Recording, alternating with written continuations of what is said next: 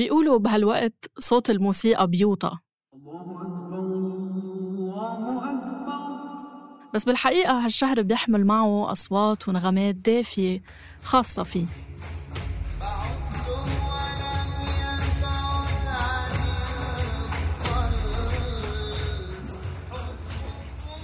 مولانا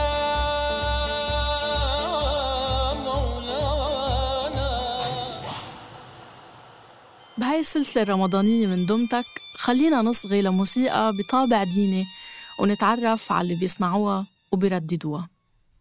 انتظرونا.